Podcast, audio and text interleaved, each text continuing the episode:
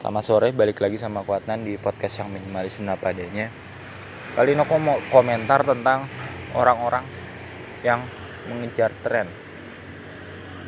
Kita tahu ya bahwa setiap hari ada aja tren baru.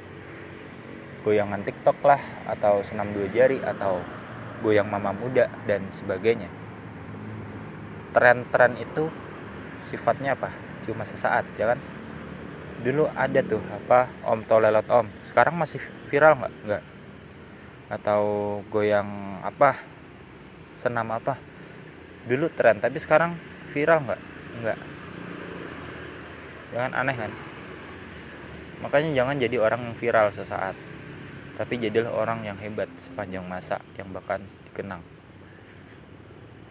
Karena gini lagi-lagi kita bukan tokoh utama dalam hidup orang lain kita jangan mencoba untuk viral apalagi sesaat. Karena itu nggak penting. Viral itu nggak penting nggak berguna. Ini kritikan juga sih buat artis. Apa sih yang kalian kejar gitu? Uang status kekayaan atau apa? Realistisnya gini.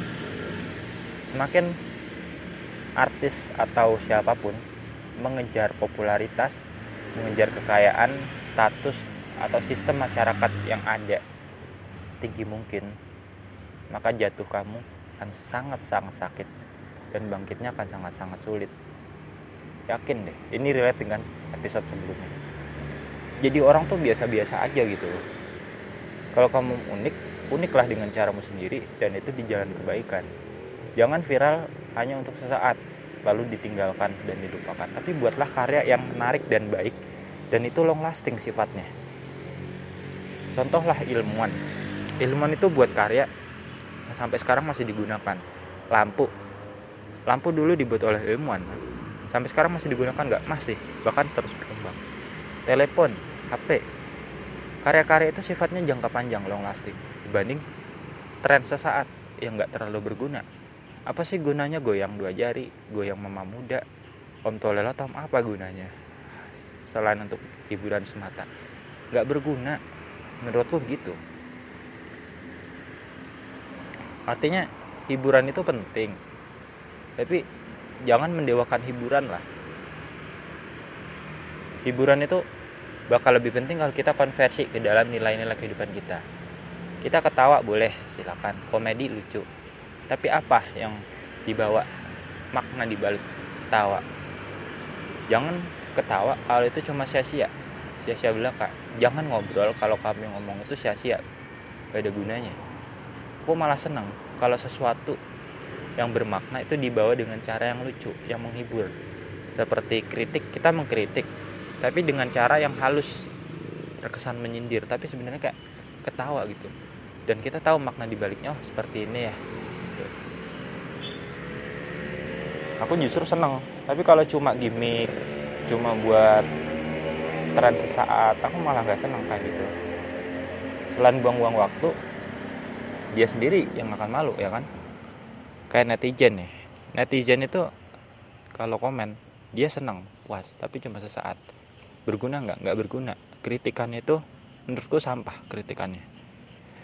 Karena nggak dipikir dengan kepala yang dingin hanya muncul saat emosi aja dan melampiaskan pada orang yang salah kalau punya masalah dalam kehidupan sehari-hari ya jangan dilampiaskan kepada orang lain yang nggak bersangkutan gitu loh.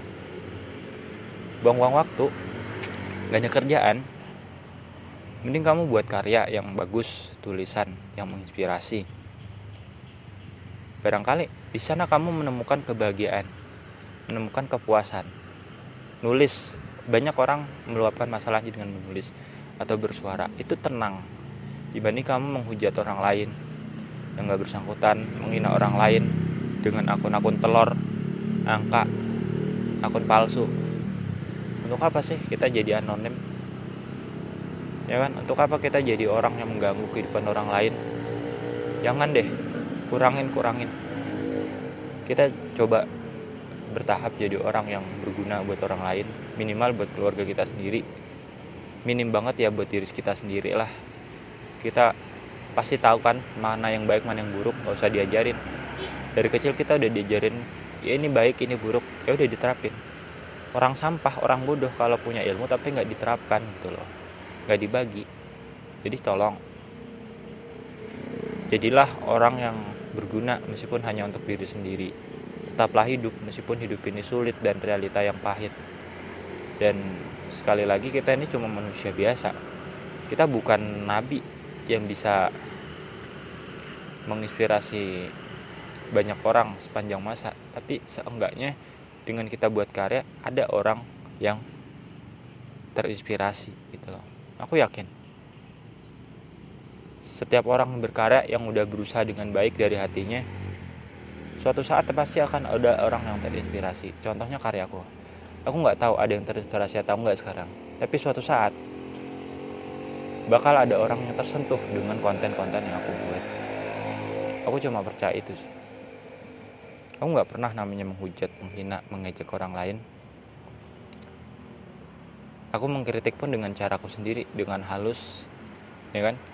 Nggak pernah berkata kotor atau yang lain karena aku tahu itu buruk dan aku nggak mau melakukan itu